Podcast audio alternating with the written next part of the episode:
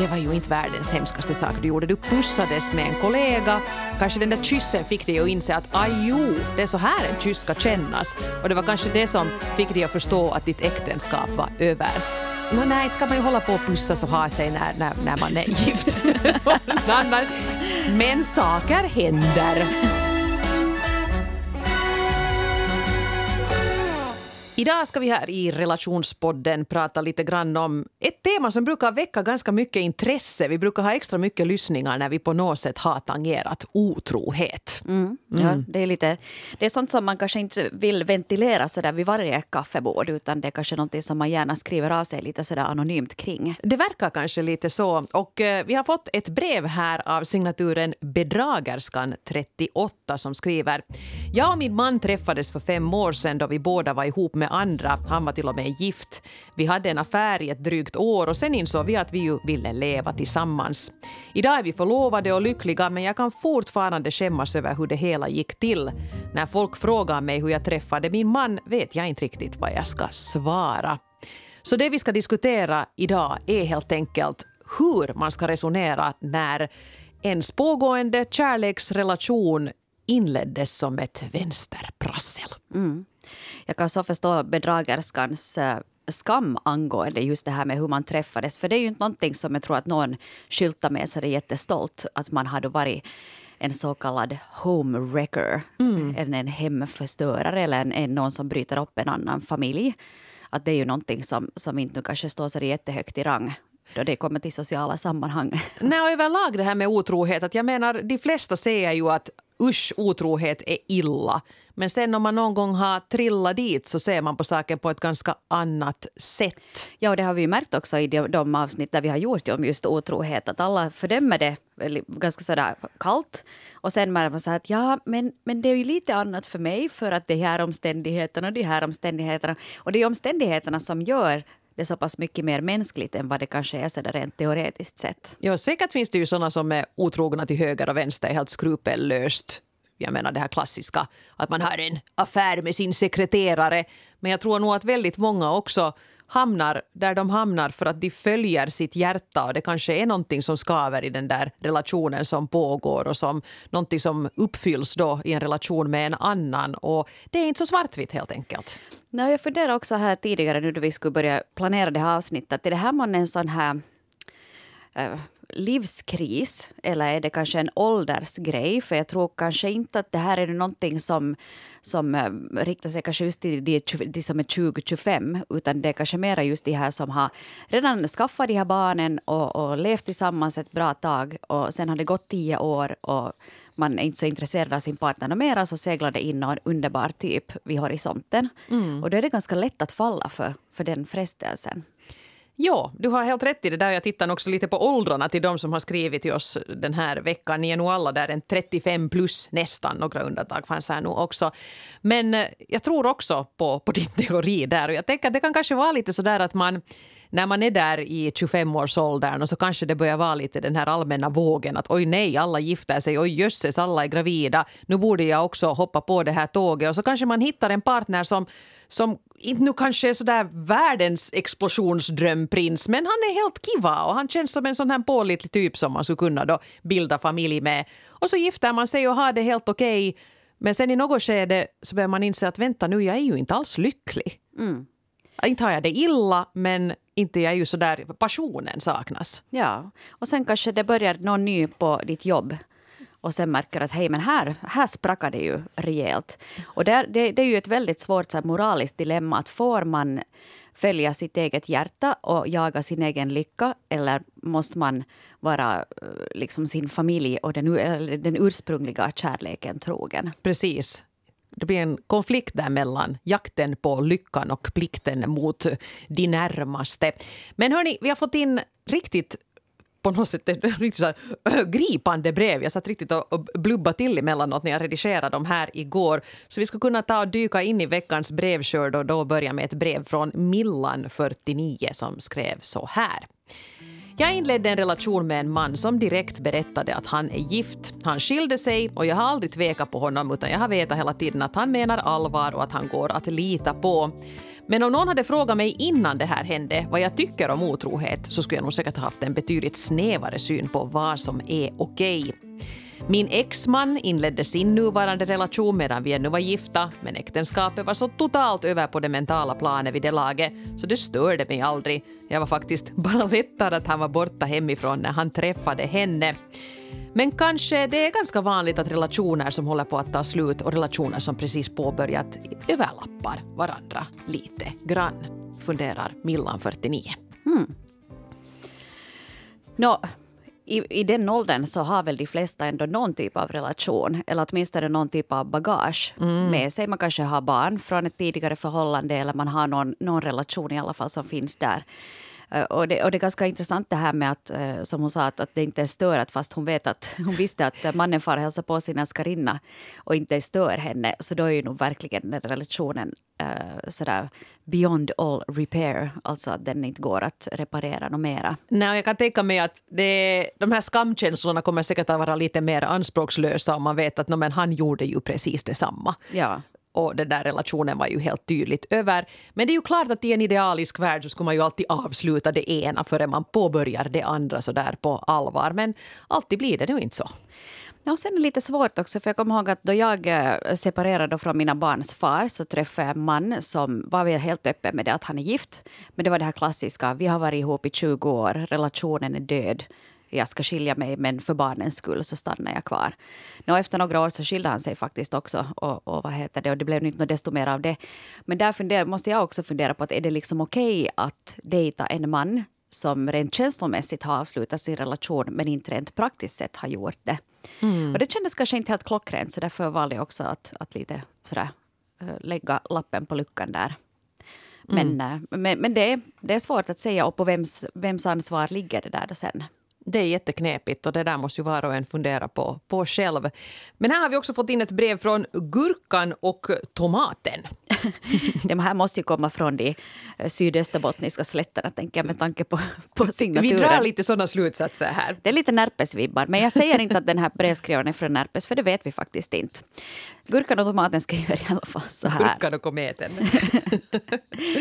jag var gift och han var förlovad. Jag har två barn och dessutom så finns det en åldersskillnad mellan oss också, vilket inte ses med blida ögon av omgivningen.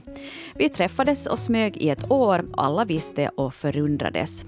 Nå, till slut så gick vi all in och jag skilde mig och han bröt förlovningen. Och bägge förlorade faktiskt många vänner som är fördömande än idag efter 15 år. Eh, det blev ett måste också att byta jobb för oss båda. Vi hade alltså träffats på jobbet. Och vi var förstås det saftigaste skvallret. Det viskades och skrevs både det ena och det andra. Till och med sådant som vi inte ens själva kände till. Det var tuffa tider då, men idag så är det lugnare när vi gift oss och nu är herr och fru. I Sydösterbotten, ah, där kom det fram. Mm, mm. I, sydöst, i, I Sydösterbotten är minnet ändå långt. Vissa förlåter aldrig. Det är inte ens värt att försöka. De äger helt enkelt rätten att fördöma. Men vi är lyckliga och mina barn mår bra. Det där tycker jag nog är jätteintressant. Jag menar, jag förstår att det finns människor i en sån här ny familjskonstellation som helt berättigat kan vara sura och upprörda över att en sån här grej har hänt. Att okej, okay, de hade en affär hur länge som helst, gick bakom ryggen på mig och jag trodde jag kunde lita på henne. Men det där att folk på stan ska hålla på tissla och tassla och sprida rykten och till och med sprida lögner då tydligen och inte ge sig efter 15 år herrejes, skaffa ett eget liv, säger jag. Ja, jag håller helt med där. Och sen att, jag menar, då inte du vet vad som har hänt. Att Nej. är det just så att det är de där bekantsbekanta. Det är kanske saftigt att skvallra om det lite. Att ja, hörde du att den lämnar den för den och, och, och så här. Men, men kanske nu 15 år är lite för lång tid att hålla på och skvallras. Mm. Och då man inte vet vad som är på gång så kanske man inte behöver lägga sig i det heller. Och inte heller på, speciellt på mindre orter ska man också vara försiktig med att besudla någons rykte med osanning. Ja, verkligen, och inte ska jag nu sitta här och vara skenhelig heller. Nu tycker jag också det kan vara ett ganska saftigt skvaller att nej, ja, vi de nog... där, aj, ja. Nu Men har vi jag brukar det, ju nog skvallra färdigt liksom sådär på någon vecka. Ja. Sen brukar jag hitta något annat att fundera på. Vi behöver bara några långluncher du och jag, så får vi det ur oss. Jo, och man skulle inte börja liksom sprida och hålla på. Nej, vi kanske sitter så här på Tumis och är lite så här oj, oj, oj, oj. Mm. Men inte speciellt länge. Men det här med skuldkänslorna och skamkänslorna det är någonting som flera av er har tagit upp också i den här brevskrivaren som vi nämnde här i början. Eh, och här hakar då också en bedragerska 30 på. Jag var i många år ihop med en man och vår historia började med att jag var otrogen mot min dåvarande sambo. Och jag kom aldrig riktigt över skammen över hur det hela hade börjat. Jag hade så hemska skuldkänslor. Det är lätt att säga, nå, det där skulle du ha tänkt på före du var otrogen. Men bakom varje otrohet finns det flera sidor av historien. Oavsett känner jag mig ännu som ett as, även om allt det här är i det förflutna och jag inte ens har någonting med de här två exen att göra längre. Jag levde ju lycklig i många år med den här mannen jag varit otrogen med så visst kan riktig kärlek blomstra också från affärer. Men när jag tänker på min ex-sambo så svider det ännu.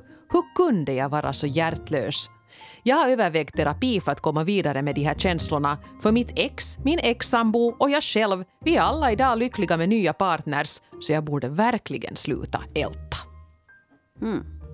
Så skriver också en bedragerska 30. Jätteintressant det där. Jag menar fast det har blivit ett lyckligt slut nu eller går åt det hållet för dem alla så känner hon sig ännu som världens as. Och det, det känns ju bara fruktansvärt onödigt. Jag tycker det låter som en ganska bra idé det här att gå i terapi för jag tror att det kan finnas någonting som Eh, jag hörde just på, på en podcast där den här superterapeuten Esther Perel hade en lite liknande situation. Hon pratade också med ett par som nu var tillsammans men då hade inlett sin relation som otrohet. Och de här var då dessutom superreligiösa. Det var amerikaner och han var mörkhyad och hon var vit. Och det var liksom många sådana olika grejer som de fick kämpa sig igenom för att komma vidare. Fast de var jättelyckliga och, och helt övertygade om att de hade träffat rätt och, och skulle gå vidare med det här. Men det som de kom in på lite i det här är att i ett sånt här scenario så finns det ingen riktigt där som kan ge dig tillstånd utom du själv att har du barn så det är klart att de inte kommer att säga att yeah, mamma lämna pappa, inte kommer de ju att säga det. Det är klart att de vill att, att föräldrarna ska vara ihop så du kan inte vända dig till dem. Det kan hända att dina föräldrar tyckte din man var helt underbar och inte förstår vad du håller på med. I bästa fall så säger föräldrarna att men vi litar på ditt omdöme och, och älskar dig oavsett men det kan vara lite svårt att få och just i det här Esther Perel-programmet så var det till och med så att den här mannen som var kanske mer nojig kring det hela. Eh, hans pappa hade, hade dött just ungefär i samma tider som, som de här då blev ett par. Så han fick aldrig liksom av honom heller det här att ja, min pojke, jag ser hur lycklig du är och du gjorde nog rätt. Mm. Och när ingen någonsin kan säga till dig det där att att jo, jo, men att det var ju så här du skulle göra för nu är du ju lycklig och det är det viktiga. Och du har hanterat det här helt bra och du har inte varit självisk och du har försökt tänka på alla andra. Om ingen säger det till dig så då blir du ensam med de där skuldkänslorna tills du exploderar. Mm. Och bäst skulle det vara att om du har en, en vän eller någon som du kan anförtro dig åt mm. angående det här. För att uh, Det kan också vara lite svårt som en vän. att Har du nu en vän som, som är då fast ihop med någon som är upptagen då måste du kanske själv ha funderat nå, hur ska jag förhålla mig till det här? Men då vet du ju också lite bakgrunden till det. Att okay, den här vännen kanske har varit olycklig de senaste åren. Och, och det är helt förståeligt. Mm. Men att få, få liksom lufta det med någon. Och om inte annat som sagt så man kan alltid köpa lyssnande öron för pengar. Ifall det är så att man behöver. Det kan man göra. Och jag tror på riktigt att det är någonting nu som... Jag tror kanske det här också en bedragerska 30 det är någonting som har blivit skevt här nu. Är det kanske så att du lite kämpar snarare med det att du nu har gjort vad du har gjort och, och bytt partner några gånger så står det här på något sätt lite i konflikt med hur du har sett på dig själv. Att har du tänkt att jag är nog en sån här pålitlig person och, och sansad och går inte bakom ryggen på någon. Och nu kan du inte riktigt leva med att du har gjort det då mm. en gång. Fast säkert det här, din ex-sambo är helt fine med dig där och tycker att nej, nej, men att det, det blev ju bra ändå så, så ingenting att fundera på. Men man, kanske man kan vara liksom en, en sansad och, och snäll person och, och, sen var det omständigheterna som gjorde att det blev så här. Att kanske du också behöver förlåta dig själv lite för det här. Att det är ju inte så att du ändå bestämde dig att nu ska jag såra min sambo så mycket jag bara kan. Var är första bästa kar?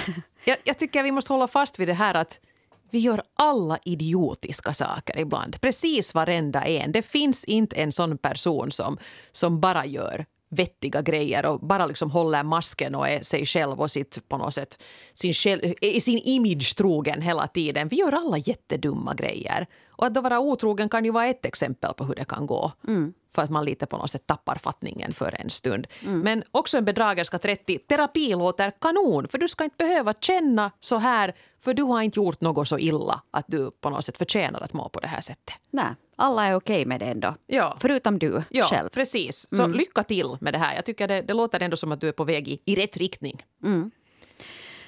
Um, Sen kan det också vara så här att man uh, kanske hittar någon ny och så prövar man på det och så märker man att no, det här kanske inte ändå var, var helt guld, att gräset kanske inte ändå var grönare på andra sidan. Fiskaren 43 har skrivit till oss ett, ett långt brev som lyder som följer. Jag var otrogen med en arbetskollega. Vi hade flirtat i flera år utan att något speciellt hände. Men för fyra år sedan så var vi på en arbetsresa och efter en fest så följdes vi åt och kysstes på gården. Han var singel, jag hade familj. Det gick några veckor innan jag berättade åt min man att jag ville skiljas. Vi hade talat om det förr också, men just för tillfället så var det faktiskt ganska bra mellan oss, så han blev nog förvånad. Jag berättade inte vad jag hade gjort, det vill säga att pussats med en annan man, utan skyllde på att jag och mannen inte hade någonting gemensamt mera. Under skilsmässotiden så fortsatte jag att vara otrogen med kollegan och allt detta så ångrar jag idag. Ingen Förutom psykologen vet hur vår relation startade och ingen vet heller att jag har varit otrogen förutom då han, jag och psykologen. Och vi är tillsammans än idag, men hur vår relation började överskuggar ibland det goda i vårt förhållande. Åtminstone för mig, för det var ju jag som startade allt. Jag har enorma skuldkänslor ännu fyra år senare och vet faktiskt inte om mitt nya förhållande kommer att klara det här. Jag hatar att ljuga och jag vet, dubbelmoral på hög nivå om när vår relation börjar. Jag har inte heller berättat på jobbet att vi har ett förhållande. Mina närmaste kollegor vet att jag är skild, men allt kafferumsprat om förhållanden blir jobbiga eftersom jag är singel i deras ögon. Jag har också gått hos psykolog och varit sjukskriven och det här har nog i hög grad inverkat på mitt mående. I början var jag säkert förälskad i kollegan eftersom jag inte kunde tänka förnuftigt. Men i efterhand så funderade jag varför stoppade jag inte den här första kyssen eller den som kom efteråt. Jag borde ha lämnat det vid det och fortsatt livet med min dåvarande man. Nu i efterhand så kan jag konstatera att vi inte faktiskt har så mycket gemensamt. Jag och exet hade mycket mer gemensamt och kanske jag skulle ha varit nöjd med att åldras med honom. Men att återgå till det gamla, det är inte möjligt för han har ett nytt förhållande som han verkar nöjd med. Vi kommer bra överens kring barnen och annars också. Vi hade ju trots allt ett 15 års förhållande bakom oss innan vi skildes. Jag kommer alltid att ångra att jag var otrogen och börja på nytt innan jag hade avslutat det gamla. Gräset var inte grönare på andra sidan. Skriver fiskaren 43.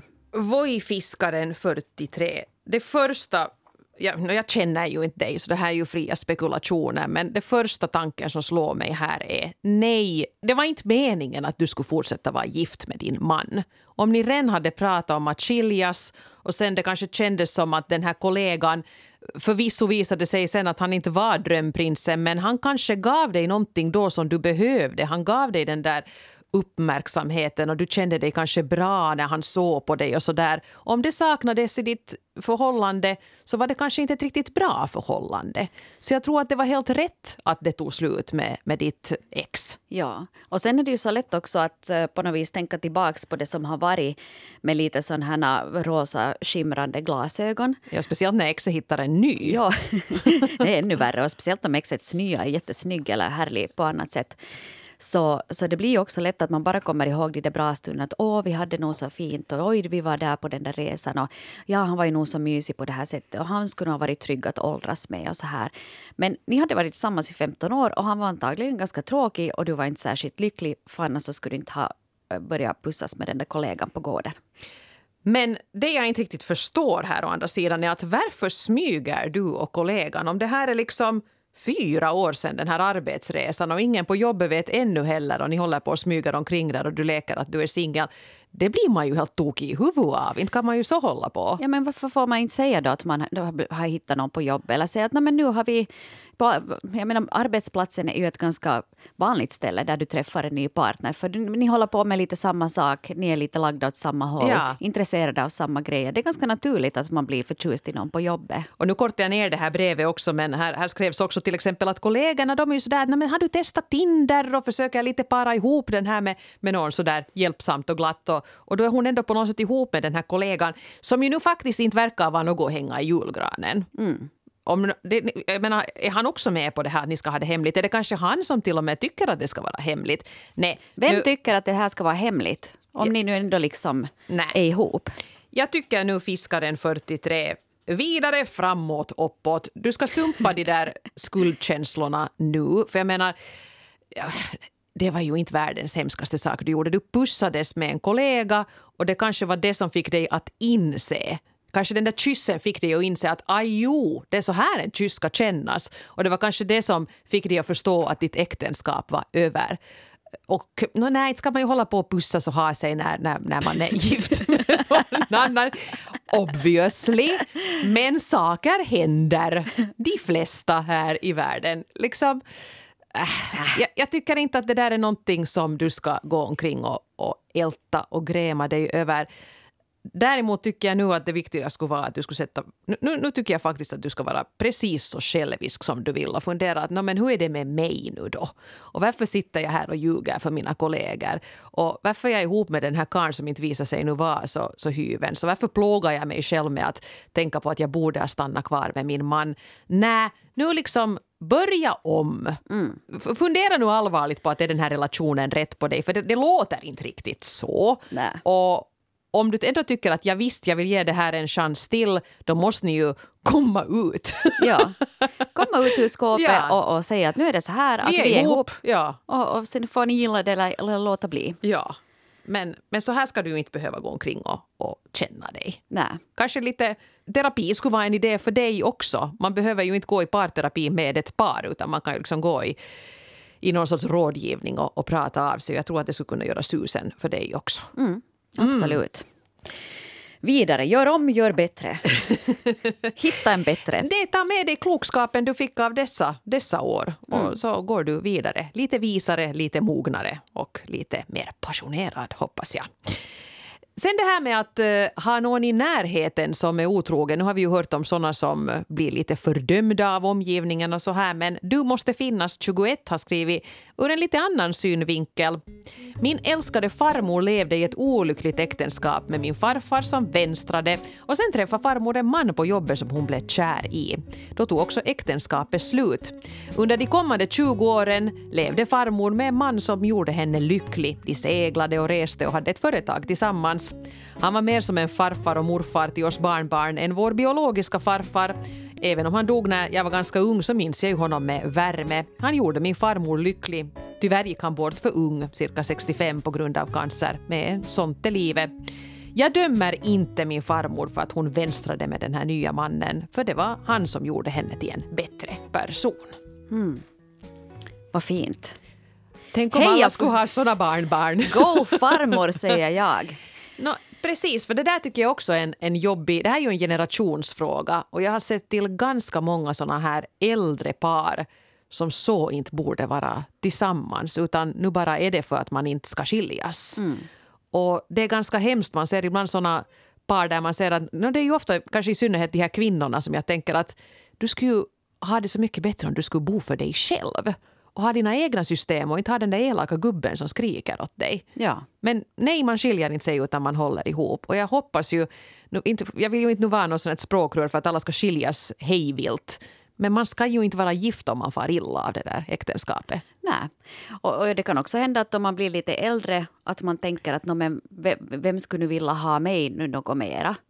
Men jag kommer ihåg alltid den här solskenshistorien som en kollega berättade just om, om eh, hennes farfar som var på ålderdomshemmet och var typ 89 och hittade en ny flickvän på ja. hemmet. Och de var jättelyckliga och hade jätteroligt tillsammans. Ja. Så, så det, jag menar, det är aldrig för sent heller. Om inte annat så mår du ändå bättre av att vara själv. Det är inte så att man behöver en partner för att vara lycklig heller. Så. Precis, mm. ja. Men, men en, en bra påminnelse på något sätt till de som är anhöriga till folk som har blivit tillsammans på lite suspekta vägar. när man inte har riktigt total insyn i vad som riktigt har hänt och hur den där förra relationen var så ska man kanske inte heller vara alltför fördömande utan mera se på Famu då. Är hon gladare än någonsin? Mm. Har jag någonsin sett henne skina på det här sättet? Nå, kanske hon gjorde helt rätt som vänsterprassla lite och hitta en ny. Mm. Absolut. Go farmor. Mm. Sommarflicka 35 är också lite inne på det här med omgivningens reaktioner. Jag och min nya man är just nu mitt i våra skilsmässor efter att vi blev ett par för några månader sedan. Jag har en 15 år lång relation med barn bakom mig. Han har en 25 år lång relation. Fast relationen inleddes som vänsterprasse så litar jag på honom helt och hållet.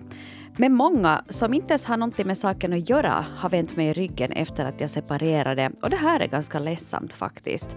Visst är det skämmigt när folk vet hur allt gick till men snart har de förhoppningsvis någonting annat att prata om. Säger Sommarflicka 35. Där har vi de här skvallrarna igen. Skvallrarna är ja. där, ja vi har sagt det tidigare och det tål att upprepas just det här med att då du inte vet vad som är på gång så undvik det där skvallret. Mm. För jag tycker att det, det är som så onödigt och det är också elakt.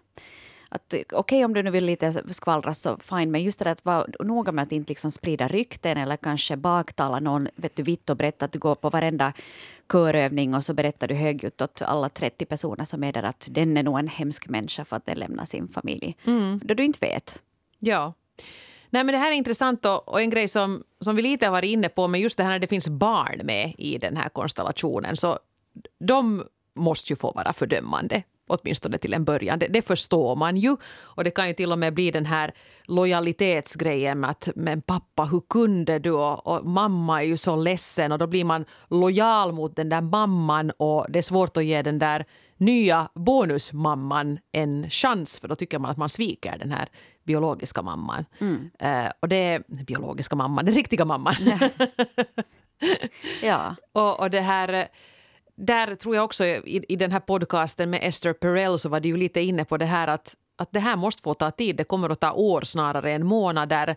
Och det enda man kan göra där är att bejaka att det här barnet känner så här oavsett hur gammalt barnet är. Bejaka det och försök inte skynda på. Kanske inte vara så där att vi ska alla nu flytta ihop här nu då och bli en sån här härlig bullrig ny familj med, med massa barn som är så där kanske kind of i samma ålder och de ska alla ha så roligt tillsammans om inte de här barnen är redo för det så ska man inte tvinga dem till det heller. Nej, barnen kanske inte ens gillar varandra. För Nej. barn är också, som du sa här i något avsnitt, att barn är ju trots allt också människor. ja. Att de inte, kanske inte kommer ibland, överens. Ibland betvivlar jag, tvivlar jag lite på min egen utsaga där när, när man ser på de där barnen. Men, men jag tror faktiskt att de är människor. Ja, fast de beter sig som apor. Ja, människor från en annan planet eventuellt, men någon sorts människor nog. Cyborger eventuellt. Nej, men, ja. men faktiskt låt det ta tid och, och, det kan hända att det blir riktigt bra efter ett tag när, när på något sätt dammet har lagt sig. Mm. Ett sista brev ska vi ännu hinna med och det är också ganska långt men jag har liksom inte velat korta ner era brev allt för mycket för det var, det var fina och, och insiktsfulla saker ni kom med. Ja, och så tror jag också att just ett sån här, eh, en sån här fråga kräver ett ganska bra upplägg och en förklaring till varför det blev som det blev. För att det är ju ändå det händer under en lång tidsperiod. Det mycket har hänt före och mycket har hänt under tiden och mycket har hänt efteråt. Så kör på bara. Allt ordnar sig 56 skrev så här. Jag var gift sedan många år men kände mig mer som en mamma åt alla mina familjemedlemmar, också min man. Och så en dag mötte jag en människa som frågade men vad vill du då?” Jag blev helt ställd. Jag? Uppvaknandet från att vara en serviceproducent åt resten av familjen till att vara en människa med rätt till egna önskemål, ja, det blev en ganska turbulent period. Och han som ställt frågan blev min bästa vän, den som jag delar både glädje och bekymmer med. Jag försökte få min man att ställa sig bredvid mig istället för att segla i le bakom mig, men han trivdes bra där han var. Till slut började jag söka efter ett eget boende. Ungefär i samma veva ringde min bästa vän och frågade hur länge vi skulle fortsätta ljuga för oss själva, för det som fanns mellan oss var ju mera än bara vänskap. Eftersom åldersskillnaden är ganska stor mellan oss och åt fel håll dessutom jag antar då att eh, mannen är yngre och kvinnan är äldre, att det är det som syftas på här, väckte vår relation inte precis jubelrop bland våra närmaste. Det var också orsaken till att jag intalat mig att vi bara var vänner, även om jag ju nog visste att det inte riktigt var så. Vissa tog helt avstånd från oss, men de flesta har accepterat oss som ett par bland andra par idag. Nu har över tio år gått. Jag kan ännu känna en sorg över de drömmar jag hade om att låta barnen växa upp i en kärnfamilj och att lyckas hålla kärleken vid liv med barnens far, att det inte lyckades. Jag känner en liten gnutta skam över att jag inte hann avsluta den relationen innan jag träffade honom som jag nu lever med. Men framförallt känner jag en stor lycka och glädje att jag idag lever det liv jag lever. Barnen har en underbar extra pappa och jag lever det liv jag vill leva. Yes! ja. Fint va? Ja, och jag tycker det är så fint det här att, att man kanske kan, kanske liksom den här lilla gnagande känslan av skam och skuld, kanske den finns där alltid. Eller sen går du i terapi och blir av med den. Men, men kanske du kan också inse att okej, okay, det blev nu så här. Och, och det här med att hålla på... Jag vet inte om det finns eh, på svenska ett bra uttryck för att jossitella. Vet du, att om det ena skulle ha hänt eller om det andra, om jag skulle ha avslutat det här. Det kan hända att du aldrig skulle träffa den här personen om du skulle ha skilt dig då. Det, det är liksom onödigt att fundera på. Det är slöseri med tid och det är slöseri med energi för i slutändan så blev det ändå bra. Och jag förstår det jättebra det här med att jag tror det är många som känner igen sig i det här. Vare sig det är en, en eh, kvinna eller en man som är den som sköter hela den här familjerumban. Hela ditt liv går liksom ut på att fixa saker åt andra människor och så dyker det upp någon som sätter dig i fokus. Mm. Och då kanske man blir just först helt ställd. Men sen är det också väldigt skönt att märka att hej, jag är också viktig. Att det är inte alltid bara de andras behov som är viktiga. Och du skrev också här att du försökte få din man att, att bli liksom en parhäst med dig istället för att bara liksom eh, sitta där bak på kärran som, som du, hästen, då drar fram. Mamma hästen. Ja, men han var nöjd med att vet du, ligga där bak och, och tugga på lite hö. Ja. Och då får han skylla sig själv. No, det är ju nog onekligen lite så, men jag tycker också att det är en intressant grej här är ju det här med att när inleddes den här eventuella otroheten här. Och jag skulle säga att, att allt ordnar sig 56 har ju inte varit otrogen alls. För så länge hon ännu levde tillsammans med sin ex-man så var det här ju då en vän. Och här än en gång återkommer jag till Esther Perel för att hon brukar ju säga det här att när går gränsen för otrohet? Det är inte nödvändigtvis då när man tar av sig kläderna och hoppar i säng eller när man bokar en träff och, vet att vi kommer att sluta på ett hotellrum utan det är en intern process när du ger dig själv lov. Att det här, du får träffa honom ikväll och så ser du vad som händer. Det är då den där otroheten inleds. När du ger dig själv liksom grönt ljus. tyckte jag var en intressant tanke. Ja. För att ofta är man ju så att "Äh, när vi hånglar så jag vet inte, jag drar nu ändå gränsen liksom vid sex. Liksom att man väldigt mycket låser fast det vid de där fysiska och konkreta sakerna. Medan det kanske är en psykologisk gräns som man går över i ett skede. Ja, att man borde tänka på det här mer som ett, ett sån här inre trafikljus. Jag Ja. tror att de flesta av oss har av naturen, om du nu lever i en relation med någon, så är det rött ljus mot det här att vet du, börja eh, intressera sig för andra. Men att sen kanske det går till orange och du börjar vara lite så att okej. Ja. Och sen äh, och så blir det grönt ljus och då, då liksom är det Och det tänker jag också för att där, där är också intressant att, att om man till exempel fantiserar om någon så är det ju inte ännu otrohet förrän man faktiskt har gett sig grönt ljus att nu ska vi se om de här fantasierna ska kunna bli verklighet. Att bara låta det vara på ett sånt här fantasiplan behöver inte nödvändigtvis vara ett övertramp. Men när man själv ger sig klartecken att "Nå, nu ser vi nu ser vi vad som händer Ja. om jag träffar honom ikväll. Så det är då som den där gränsen går, när du har fattat det där beslutet. Och det tycker jag ju att Allt ordnar sig 58 försökte ju hålla fast vid en sån här villfarelse då att det här är en kompis och en bundsförvant och en förtrogen tills då den här andra yngre mannen sa att men hör du att det är ju nog mer än så. Och de då först då liksom satte en sån stämpel på det. Så jag tycker ju att Allt ordnar sig 56 har ingenting att skämmas för gav sin man gott om förvarning, levde olycklig, insåg att hon också hade rätt till sina önskemål och sina behov och sin åsikt och sin fritid och inte bara då liksom allmän hushållerska för sin familj. Och det slutar ju bra. Ja, jag tror nog också att man eh, behöver komma ihåg det här att även fast man är då mamma eller pappa eller fru eller ma- äh, man så, så har man ändå liksom en rätt att välja sätta sig själv i första rummet ibland. Att är du olycklig så mm, man får ingen liksom tapperhetsmedalj ändå om du nu sen dör och så begravs ni sida vid sida fast du egentligen inte tål ens den där personen. Så att man har nog rätt att liksom prioritera sig själv också. Vi har någon gång blivit anklagade för att vi är så här, så nej men dumpa skiten och gå vidare och skilj dig hit och dit. Och det är ju inte det vi vill. Och jag tidigare tror jag sagt det här också att, att det kanske är bra att inte um, äh, förhasta sig heller. Nej. i sådana här grejer. Jag tycker att de här breven är väldigt insiktsfulla för det här, de, folk har insett att okay, det här har tagit tid. Det är inte någonting som händer. Okej, ibland kanske du hånglar med kollegan på, på julfesten och sen så inser du att du måste skilja dig. Men oftast är det en längre process.